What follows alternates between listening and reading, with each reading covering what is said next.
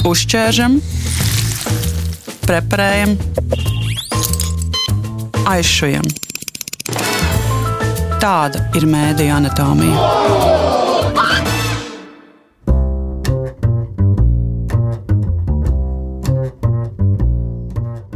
Šodien mediju anatomijā parunāsim par sociāliem tīkliem.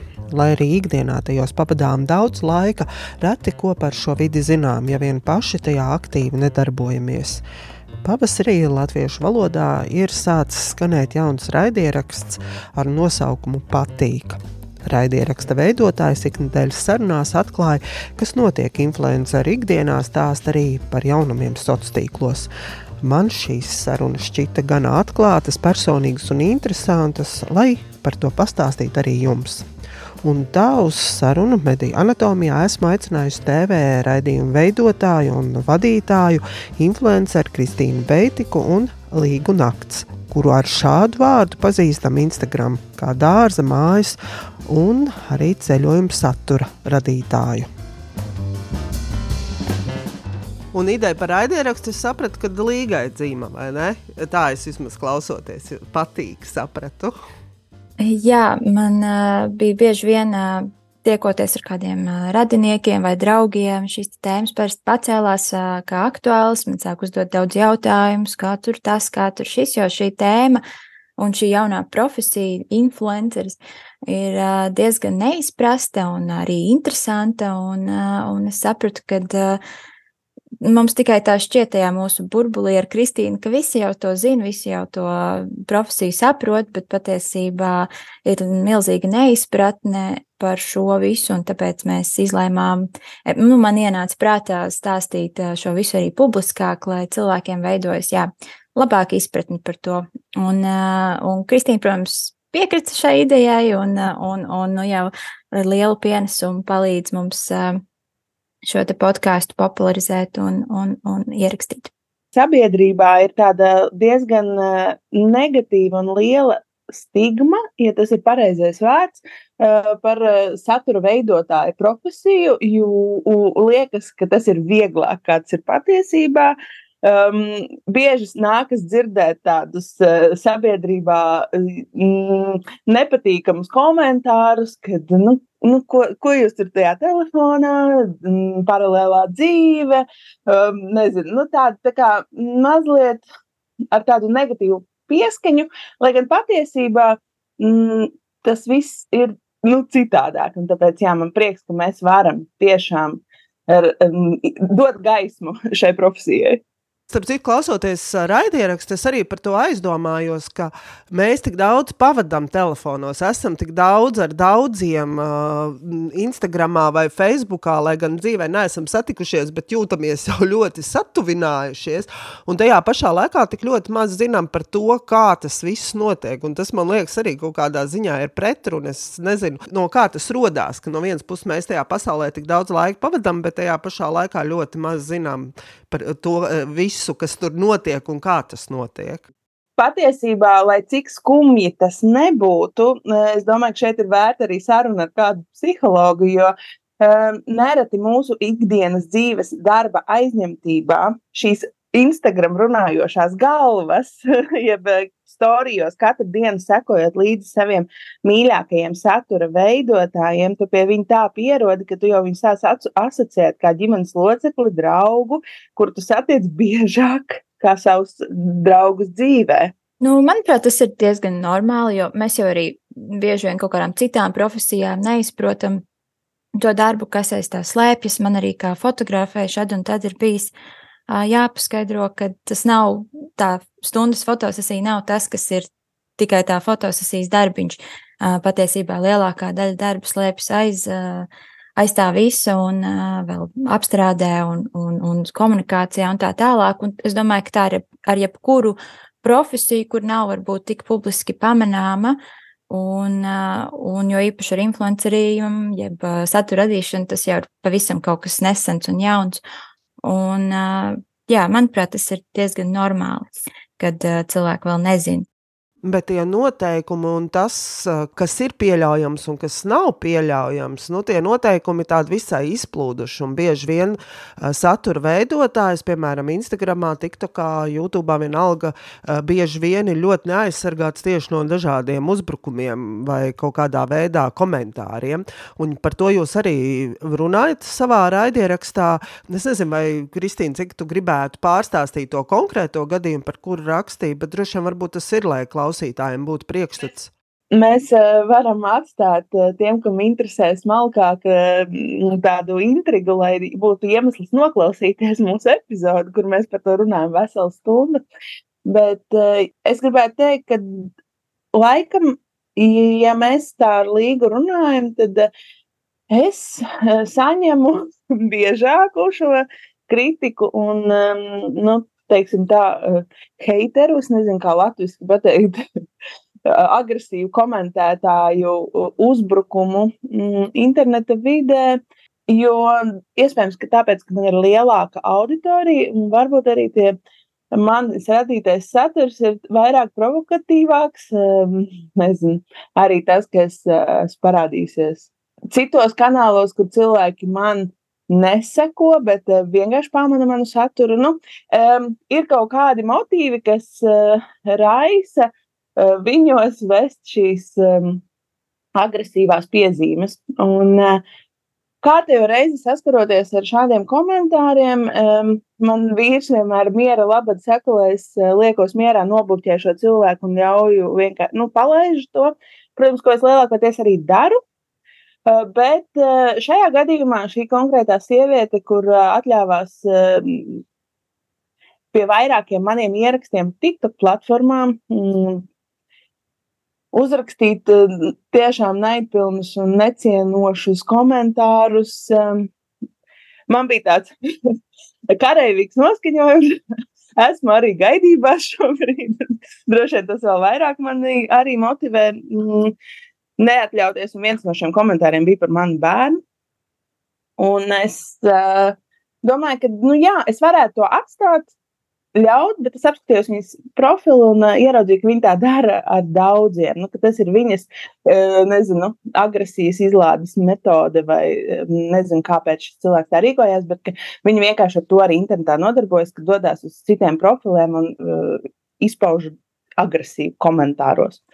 Un uh, Es domāju, es vienkārši aiziešu noskaidrot, eh, man policijas iecirknis atrodas pavisam netālu, aiziešu noskaidrot, kādas ir manas iespējas un vai es varu kaut kā sevi aizstāvēt šajā.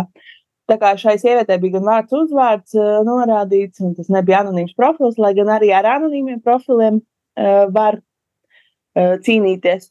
Nu, lūk, un, un, un es biju pārsteigts, cik pretīm nākoši uzņēma mani šis uh, Uh, policists viņš man teica, nelika nevienā brīdī justies muļķīgi, vai ka es viņu nodarbinātu lieki.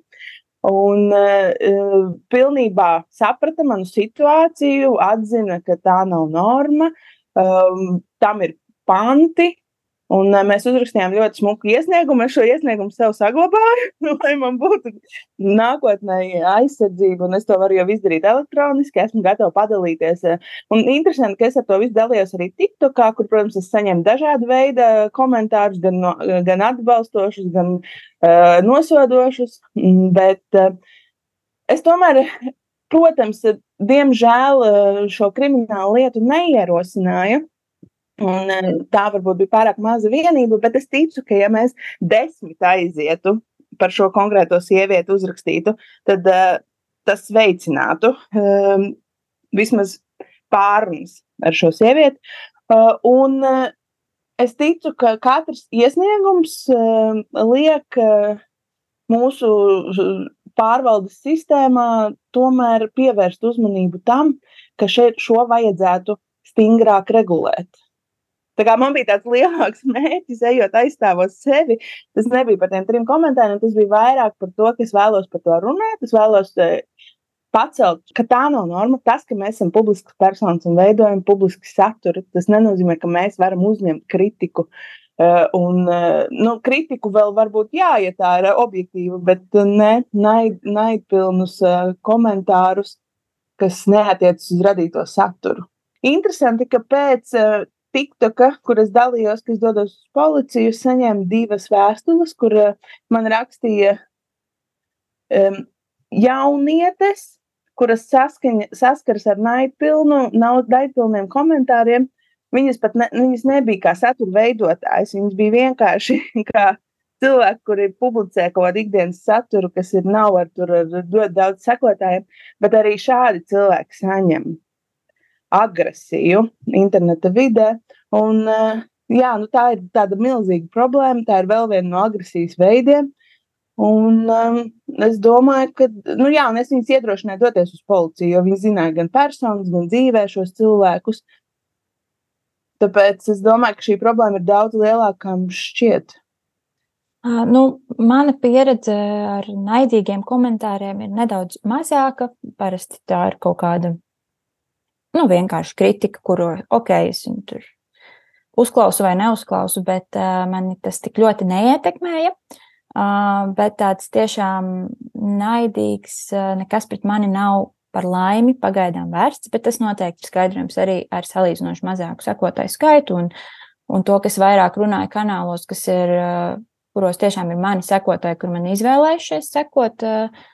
Bet, jā, nu, kaut kādā TikTokā vai, vai reizēm bija gadījums arī ar kādu reklāmu, kura tika publicēta Facebookā, kur, kurus saņēma arī tādas nepatīkamas komentārus. Bet, nu jā, mm, tas, ko es gribētu teikt, ka arī atbalstītu Kristīnas sacīto, ka tā nav norma, ka mums, nu, mums nebūtu jāatļauj sev uzbrukt un šādi mūs aizskart. Tāpat kā reālajā dzīvē, šie komentētāji tie ir reāli cilvēki. Uh, tieši tikpat reāli kā šie satura radītāji. Nu, ja mēs tur tā divi tā uz ielas satiktos, vai tas ir normāli, ka kāds tev saka tik briesmīgas lietas, un, un kāds būtu re rezultāts, ja viņš tev dzīvē kaut ko tādu teiktu ko viņš izpelnītos. Un, manuprāt, šis viss tiešām ir šī te, interneta vide ir tik milzīga un tik uh, arī savā ziņā jauna. Manuprāt, mums būtu tur jānorvirza kaut kādi papildus spēki un cilvēki, kas tam seko līdzi vairāk un, un, un ievieš kaut kādu kārtību arī šajā interneta pasaulē. Bet tur droši vien veidojas tas, tas kaut kāds tas aplis, uh, ja, ja, piemēram, cilvēki, kas tur, eh, nu, piemēram, vienalga Instagramā vai, vai TikTokā darbojās, ja viņi nerunā par to, tad arī to, par to nevar uzzināt. Nu, un arī bieži vien varbūt tie vardarbīgie uzbrucējs ir viens un tas pats, bet arī jūs savā starpā par to nerunājat, tad, eh, nu, tāda tā visļautība rodas, man liekas, arī viens no tiem iemesliem, ka par to nerunā vai izvairās par to runāt, vai nezin, kā par to runāt. Jā, tā, no. tā noteikti ir, kad nu, ka no vienas puses negribas celt šos cilvēkus tādā, uz tādas platformas, kad nu, redz, ko viņš man pateica, tā nevar fuj, fuj. Uh, bet no otras puses, uh, nu, tā kā negribas to, nu, jā, negribas to sociālo vidi padarīt vēl tādu negatīvāku, nekā viņi ir, un, un to negativitāti rādīt tiem mūsu sekotājiem, piemēram. Bet nu, tā ir realitāte, ar kuru mēs saskaramies, uh, kas mums reizēm uh, jā, parādās komentāros vai vēstulēs. Un es domāju, ka vismaz privāti noteikti ir kaut kas no savas puses pieklājīgi, bet tomēr novalkot robežas, jāatbild šiem cilvēkiem. Un, un pie trakākiem gadījumiem tiešām ir jāraksta šie iesniegumi. Tie noteikti krājas un tie noteikti kaut kādu uh, liecību par sevi atstās kaut vai šī cilvēka darba meklējumos vai kaut kur citur, kur viņam tiek pārbaudīti šie te, uh, nu, kriminālie ieraksti, jeb civiltieskie pārkāk, pārkāpumi un tā tālāk.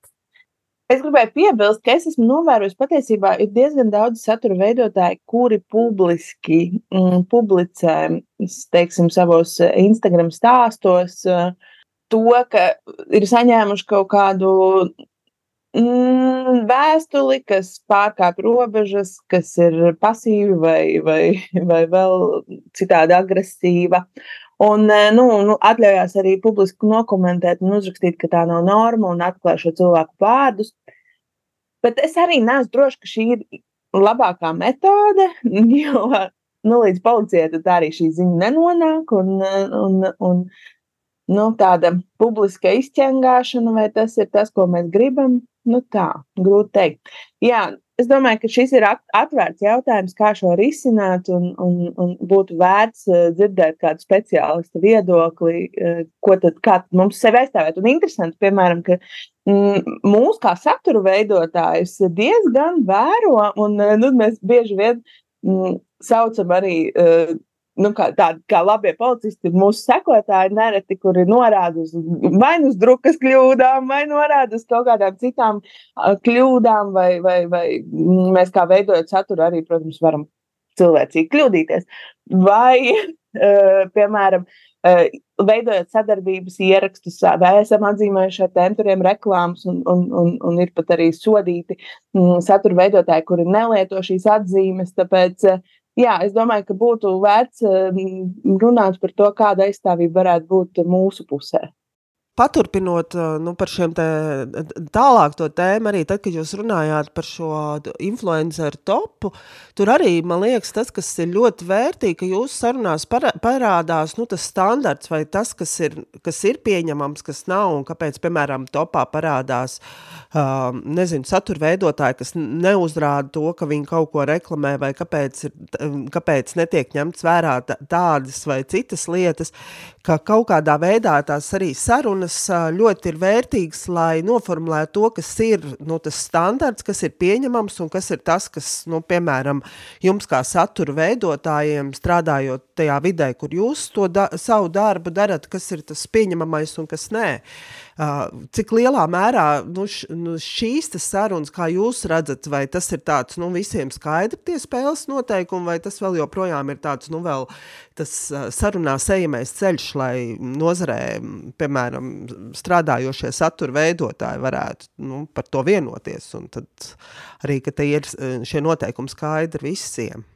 Es domāju, ka tā kā dzīvē, ņemot vērā dažādas profesijas un un pieejas biznesam vai, vai tai pašai ēnu ekonomikai, vai ir, ir, ir uzņēmēji, kas um, darīs visu, lai būtu godīgi pret valsti, un ir tādi, kas darīs visu, lai būtu pēc iespējas negodīgāk. Nu, tas viss galu galā ir atkarīgs no mums, kā cilvēkiem, no mūsu vērtībām un to, kā, nu, cik cik, cik godīgi mēs vēlamies būt un, un kādas ir mūsu vērtības kā cilvēkam. Un tad arī tādu satura veidotāji mēs esam. Un es domāju, ka, ja pat būs noteikumi, un jau šobrīd ir noteikumi par tām pašām tēmu, reklāmu izmantošanām, un ir, un ir satura veidotāji, kuri vienkārši to neignorē, neizmanto un pat dusmojas, ka tas būtu jādara.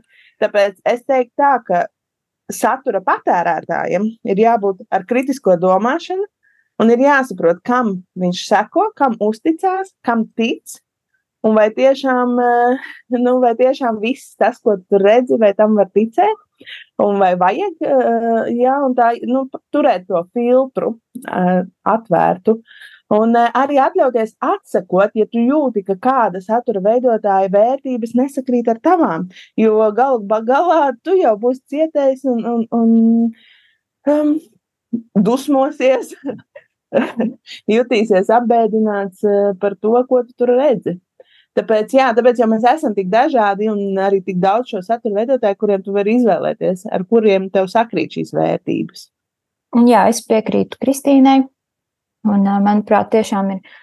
Nu, tu, tu vari pamanīt to šajos sociālos tīklos, kuri piekop godīgu praksi, kuri cenšas kaut kādus aplinkus iet, tur, nu, kaut vai par tām pašām sadarbībām. Uh, ir skaidri pateikts, ka ir jābūt hashtag reklāma pie, rekla, nu, pie reklāmas ierakstiem, un ir tādi, kas tur liek hashtag sadarbība.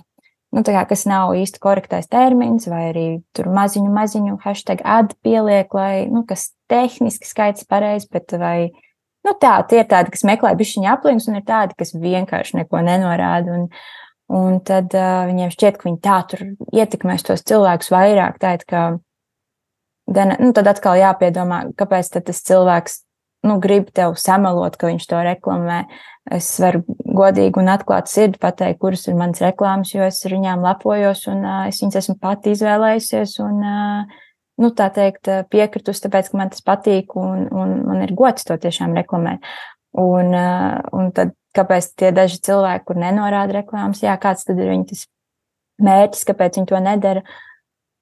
Nu, jā, nu, vienādi sakot, izvēlēties cilvēkus, kam tu seko, kas tev patīk, kur tev sakrīt jā, tie principi un vērtības, jo mm, līdzīgi kā dzīvē ir tāds teiciens, ka tie pieci cilvēki, ar kuriem tu esi visbiežāk kopā, tie veido arī tevi. Un es uzskatu, ka līdzīgi ir arī sociālos tīklos tie, tie cilvēki, kuriem tu seko, kādu saturu tu patērē, arī televīzijā, arī rādio, visur. Ko tu klausies, ko tu uzņem sevī, tas veido tevi. Un tad uh, es personīgi esmu atsakojis dažādiem, tur, nu, pat neesmu nekad sekojusi kaut kādiem drāmas, uh, Instagram profiliem vai kaut kādiem tādiem, kuros es tiešām neko pozitīvu sev negūstu. Es cenšos filtrēt, lai, lai tiešām šie cilvēki godīgi, labi, uh, nu, vismaz cik nu, mēs redzam to šajā sociālos tīklos, bet nu, tiešām man ir sajūta, ka šie cilvēki ir forši, un es arī gribu būt tikpat forši. Protams, sekotājiem un tie, kas lieto sociālo tīklu satura ir atbildība, kam tu seko, un, un ka mūsu pašu vērība un zināšanas ir ļoti vajadzīgas. Bet tajā pašā laikā man liekas, arī ir vērtīgi, ka jūs, piemēram, apspriežat šo pašu nozares topu un runājat, kas ir tās problēmas, nu, vismaz no jūsu redzes punkta, kas netiek ņemts vērā, vai kas jums rada jautājumus tieši, jo tā ir tā kā atkal tā otra puse, kur nozare par to var cilvēki paši vai satura veidotāji paši runāt. Kā, kā tas ir, kā jūs redzat, vai nozarē ir, nu, šīs sarunas ir notiek un ir pietiekami daudz, lai par to runātu, vai tas vēl pagaidām ir tādā virtuves līmenī? Ir forši, kad šāds tops tiek organizēts. Viņš notiek jau piekto gadu, un, un, un tam noteikti ir uh, pozitīvi mērķi. Un, uh, bet um, ir žēl, ka tas nav līdz galam nostrādāts, jo ir pieļautas vairāk šīs rupjās kļūdas, Nu, ko tad mēs tur arī apspriedām? Mēs tā kopīgi kaut kur nedaudz varbūt, esam parunājuši savā starpā, starp, starp influenceriem, starp mūsu influenceru draugiem. Un tādā veidā pārspieduši, bet tā publiski es neesmu dzirdējusi daudzas sarunas, lai gan bija pāris satura radītāji, kas arī bija atsākušies uz šo topu un, un ievietojuši savus domas viņu platformās, kurās viņi runā, tur Instagramā, piemēram. Un, bet tas tiešām bija ļoti mazs cilvēku skaits. Un, cik mēs pamanījām, mums tās domas diezgan sakrita ar šīm personām. Līdz ar to es tiešām jā, ieteiktu, laikam, noklausīties visu to podkāstu epizodi, jo tur jau mēs izstāstām visu to savu domu, un, un tās varbūt kļūdas mēs atradām un pamanījām, jo tie kriteriji tiešām topam bija ļoti labi uzstādīti, un ja viņi tiktu ies, nu, ievēroti, būtu, manuprāt, izcils rezultāts. Bet, jā, bija, bija dažādas lietas neievērotas. Paši savos kritērijos viņi nebija viņas ievērojuši. Bet uh, kopumā es domāju, tas kā jums šķiet, jo man liekas, ka arī mēdīju, nu, kaut kādos ziņu virsrakstos un, un arī pa, televīzijas ziņās un, un izskanēja par šo topu un, un bija, informā, bija informācija. Un es domāju, ka kopumā tas sabiedrību uh, nu, informē, eh, vispār izglīto par šo tēmu un vērš uzmanību tam, kas notiek. Nu, tā. Man bija jūsu saruna interesanti tieši no tās iekšpuses uzzināt, jo nu, es tajā vidē neesmu. Es esmu pati, piemēram, darbojusies eh, žurnālistu asociācijas žūrijā un zinu, cik bieži tas subjektīvais nostrādā, tad, kad ir dažādas domas un tā tālāk. Un līdz ar to man tā jūsu saruna bija ļoti interesanta tieši no profesionālā viedokļa, bet uh, jūs klausoties, man liekas, ka tas ir, nu, kā, ir ļoti svarīgi, ka tādas sarunas vispār notiek, ka par to runā, un droši vien būtu vēl interesantāk, ja runātu vēl, da, nu, nu, vēl nākt jūsu kolēģi kopā ar vēl varbūt citu pieredzi un uzskatiem, un ka šī saruna tāda notika, nu, ka tas ir noteikti noderīgi, lai vispār šo vidi kaut kā vairāk attīstītu, un es vienkārši ceru, ka tie cilvēki, kas šādu topu veido, būs dzirdējuši jūsu sarunu, un arī nākamgad jūs paņems žūrijā, un jūs tad varēsiet arī, nu, kā realizēt savus ieteikumus. Ceru, ka tas uz mums neatstās negatīvas sekas, jo mēs, protams, to daram, lai tikai nozara augt un būtu kaut kā mēs visi tajā stiprinātos. Bet bija arī interesantas atsauksmes pēc šīs epizodes, arī no kāda psihoterapeita, profesionāla satura veidotāja viedokļa. Un tas tā, lai paliek intrigai, nākamajā epizodē mēs paturpināsim un noteikti dalīsimies ar divām tādām spēcīgām nu, atblāzmēm, ko mēs saitām pēc šīs epizodes. Forši intriga ir, jā. Un vēl viena tēma, ar ko es gribēju par jums parunāt, man liekas, tas tāds interesants man kā žurnālistē, kas strādā profesionālā mēdījā, par to, ka bieži vien satura veidotāji ir cilvēki, kas kā veido saturu, un pēc tam profesionālie mēdīji šo saturu ņem, izmanto vai izmanto jūs vai to, ko jūs esat radījuši. Cik lielā mērā jūs kā satura veidotājs jūtaties pasargāts vai jūs kaut kādā veidā tur saskatat nu, lietas, kas būtu uzlabojamas? Manā galvā ir divi virzieni. Viens ir tas, kas, ko mēs ar Līgu augstu vērtējam un cienām. Mm, arī man liekas, Līga toreiz padalīties jā, par to, kādas iespējas nāk, eh, kad eh, tevi aicina nu, kādi, kādi mēdīji, eh, atsaucoties uz tavu saturu, izveidot kādu paplašinātu rakstu um, vai, vai kādu interviju vai izmantot fotogrāfijas, um, nu, kas ir tā kvalitatīvi saskaņojot un nu, reizēm arī pat atalgoti Ja, kad eh, me, var veid, veidoties forša sadarbība uh, starp šiem mēdīju kanāliem, nu, kur mēs uh, vienkārši apusē izdevīgi dalāmies saturā un līdz ar to veicinām arī varbūt savu atpazīstamību. Uh, nu, kas ir veselīgi un ļoti forši. Un mēs noteikti esam atvērti un atbalstām un priecājamies. Un reizēm varbūt pat pašs kaut kur arī nu, ierosināmies, ka varētu par to foršu materiālu papildināt. Bet uh, ir tā otra puse, kas ir atkal šī dzeltenā prese, vai, vai kā pateikt, nu, kur uh, bez saskaņošanas paņem uh, tavu teikto. Nesen tieši bija arī kādā lielā mēdījā manis rakstīts komentārs pie citas, pie cita cilvēka ielikts ziņās. Tā kā neviens nav man pajautājis manu viedokli, vēl pie tam informācija ir nekorekta ielikta. Un, un neviens man to nepajautāja, nesaskaņoja, vienkārši izdarīja secinājumus pēc tā, ko es runāju Instagramā, un pat ne pie saviem ierakstiem, bet pie cita ieraksta. Iedomājieties! komentārā. Nu, kā, uh, daudzi kolēģi, satura veidotāji, liek šo atzīmi pie profila, uh, ka bez saskaņošanas šo informāciju nedrīkst izmantot vai pārpublicēt. Vai tas palīdz? Nu, iespējams, tam ir kāds spēks, bet iespējams to ir arī grūti apstrīdēt. Kā, jā. Jā, man, nu, man ir bijuši ļoti daudz labie uh, piemēri, kur tiešām man paaicina uz kādu interviju, vai, eh, vai palūdzu padalīties ar bildēm, ko tad es arī eh, nu, atgriezeniski, ja man eh, vismaz ietago vai, vai apmaksā šo bilžu lietošanas autortiesību honorāru, arī tad, tad padalos. Bet ir bijis arī gadījums, kad man atsūta kāds draugs, ka kāds mēdījis samērā liels Latvijā ir paķēris manas bildes, izmanto vienkārši savam nu, rakstam. Un, un es, man nebija ne jausmas, viņš jau tur gadu vai divus stāv, un, un ne, nekāda atsauksme, ka tas ir mans dārs vai ka tas, tās ir manas fotogrāfijas, nekā tur nav. Un tad gan tu jūties tā ļoti um, bēdīgi, uh, ka tevi, nu, tevis nozog principā.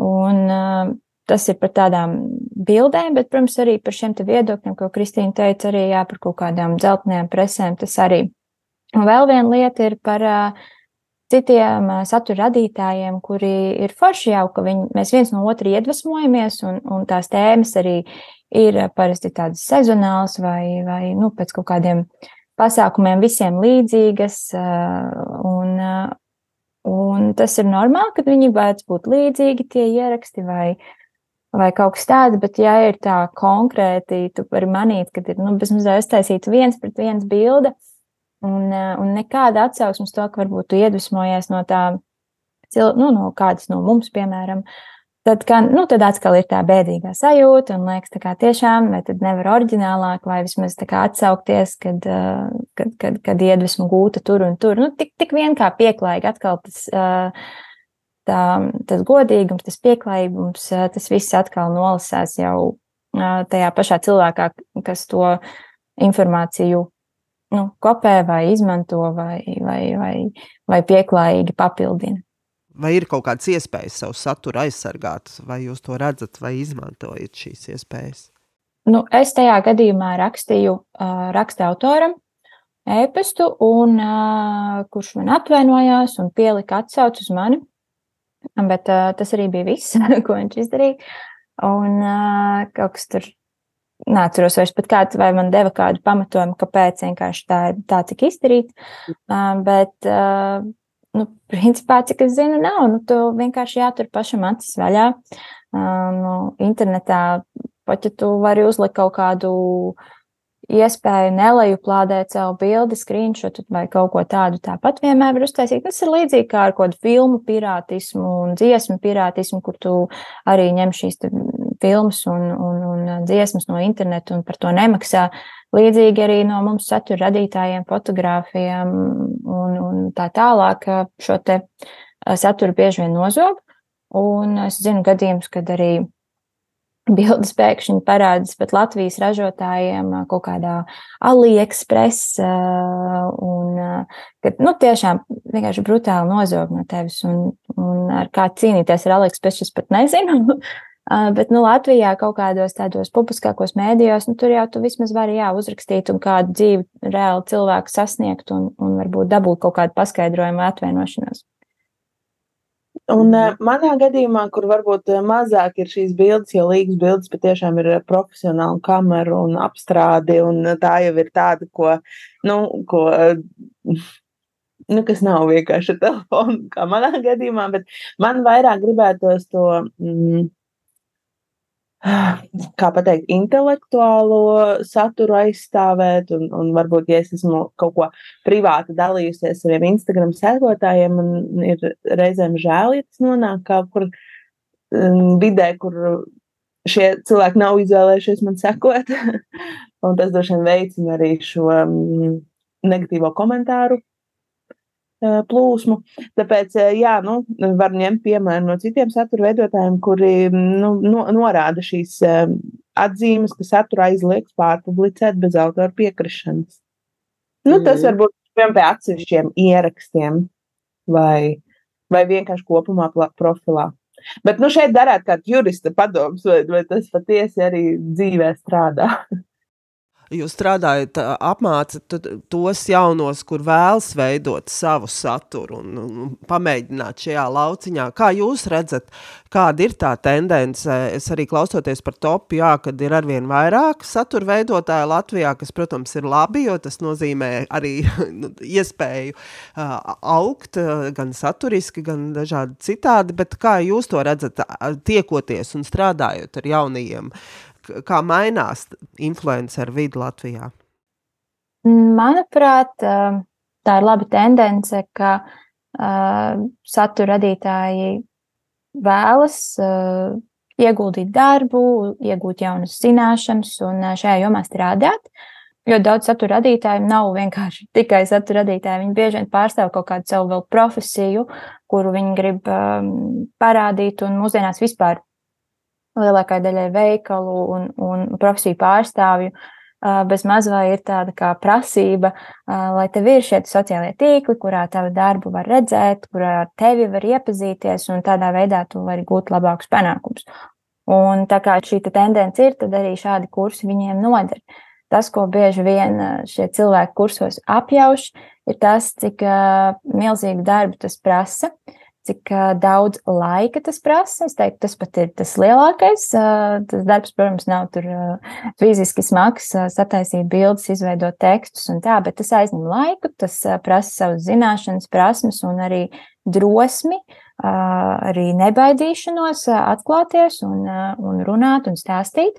Un tas prasa savu veidu arī disciplīnu, šo visu darīt ilgstoši, nevis uztaisīt vienu ierakstu un tad pazust uz mēnesi vai ilgāk. Un, un jā, nu tad, tad tas ir tas, kas bieži vien atfiltrē um, cilvēks, kur to vienkārši grib tā, nezinu, saviem kaut kādiem finansiāliem ieguvumiem. Viņiem šķiet, ka tas būs ātri, viegli. un, un gatavs, un tad viņi saprot, nē, tas, tas prasa diezgan liels resursus, un tad atsijājas tie cilvēki, jā, un paliek tie, kuriem tas ir sirds darbs, kuriem tas patīk, kuri tiešām to vēlas darīt, un, un manuprāt, tas ir labi, un jā, Kristīna varbūt noteikti no savas puses ir pakomentēt vēl.